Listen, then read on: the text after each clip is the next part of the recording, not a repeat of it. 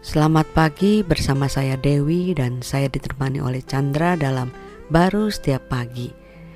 Kalau kita punya pengalaman dengan Bapak kita di dunia ini kan eh, apa saja yang kita minta diberikan yang terbaik ya.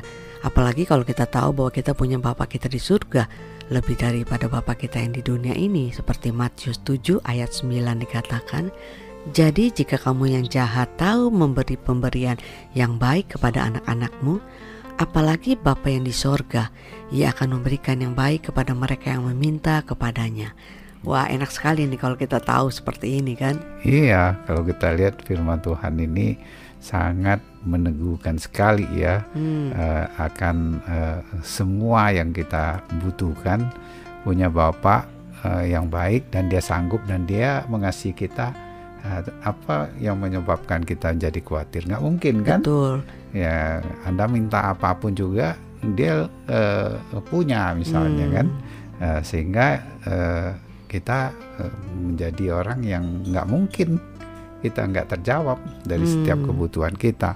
Ah, Apalagi kalau misalnya kita ada masalah kan, itu kan dengan mudah kita bisa berdoa minta pertolongan dari Tuhan kan, karena kita tahu Bapak kita itu pasti ada jalan keluarnya kan. Iya, sehingga apa aja masalah boleh, eh, kesenangan juga bisa, Hmm. apa saja dalam hidup kita yang di mana kita tidak sanggup, tapi kita punya Bapak yang maha kuasa dan maha kasih kepada kita kan. Hmm. Eh, dia ingin membandingkan Ya, bahwa mana Bapak kita di dunia ini dianggap itu jahat dan Hmm. karena sementara dan terbatas kan, hmm. mau memberikan kepada anaknya yang baik, apalagi dia. Hmm. Nah, dia ingin kita bisa melihat bahwa kita itu anak di mana dia adalah bapak kita kan. Hmm.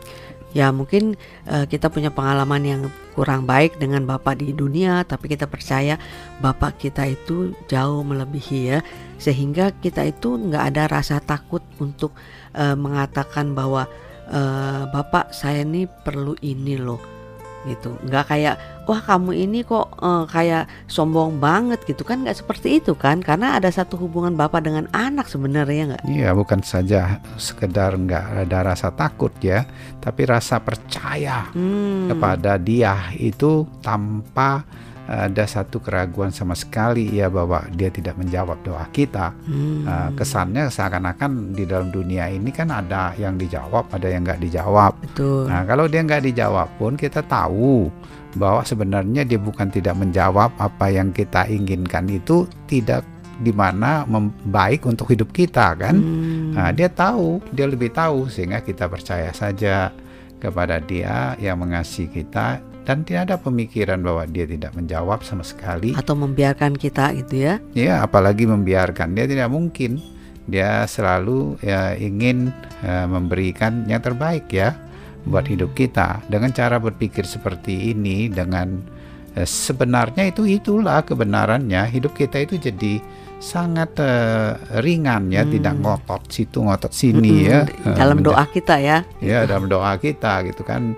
Karena eh, bagi dia apa yang kita doakan, dia bisa sanggup melakukan melampaui ya Hmm, yang kita doakan eh, yang kita doakan juga masih terbatas betul. tapi dia memberikannya eh, di luar batasan-batasan itu Wow, amin. amin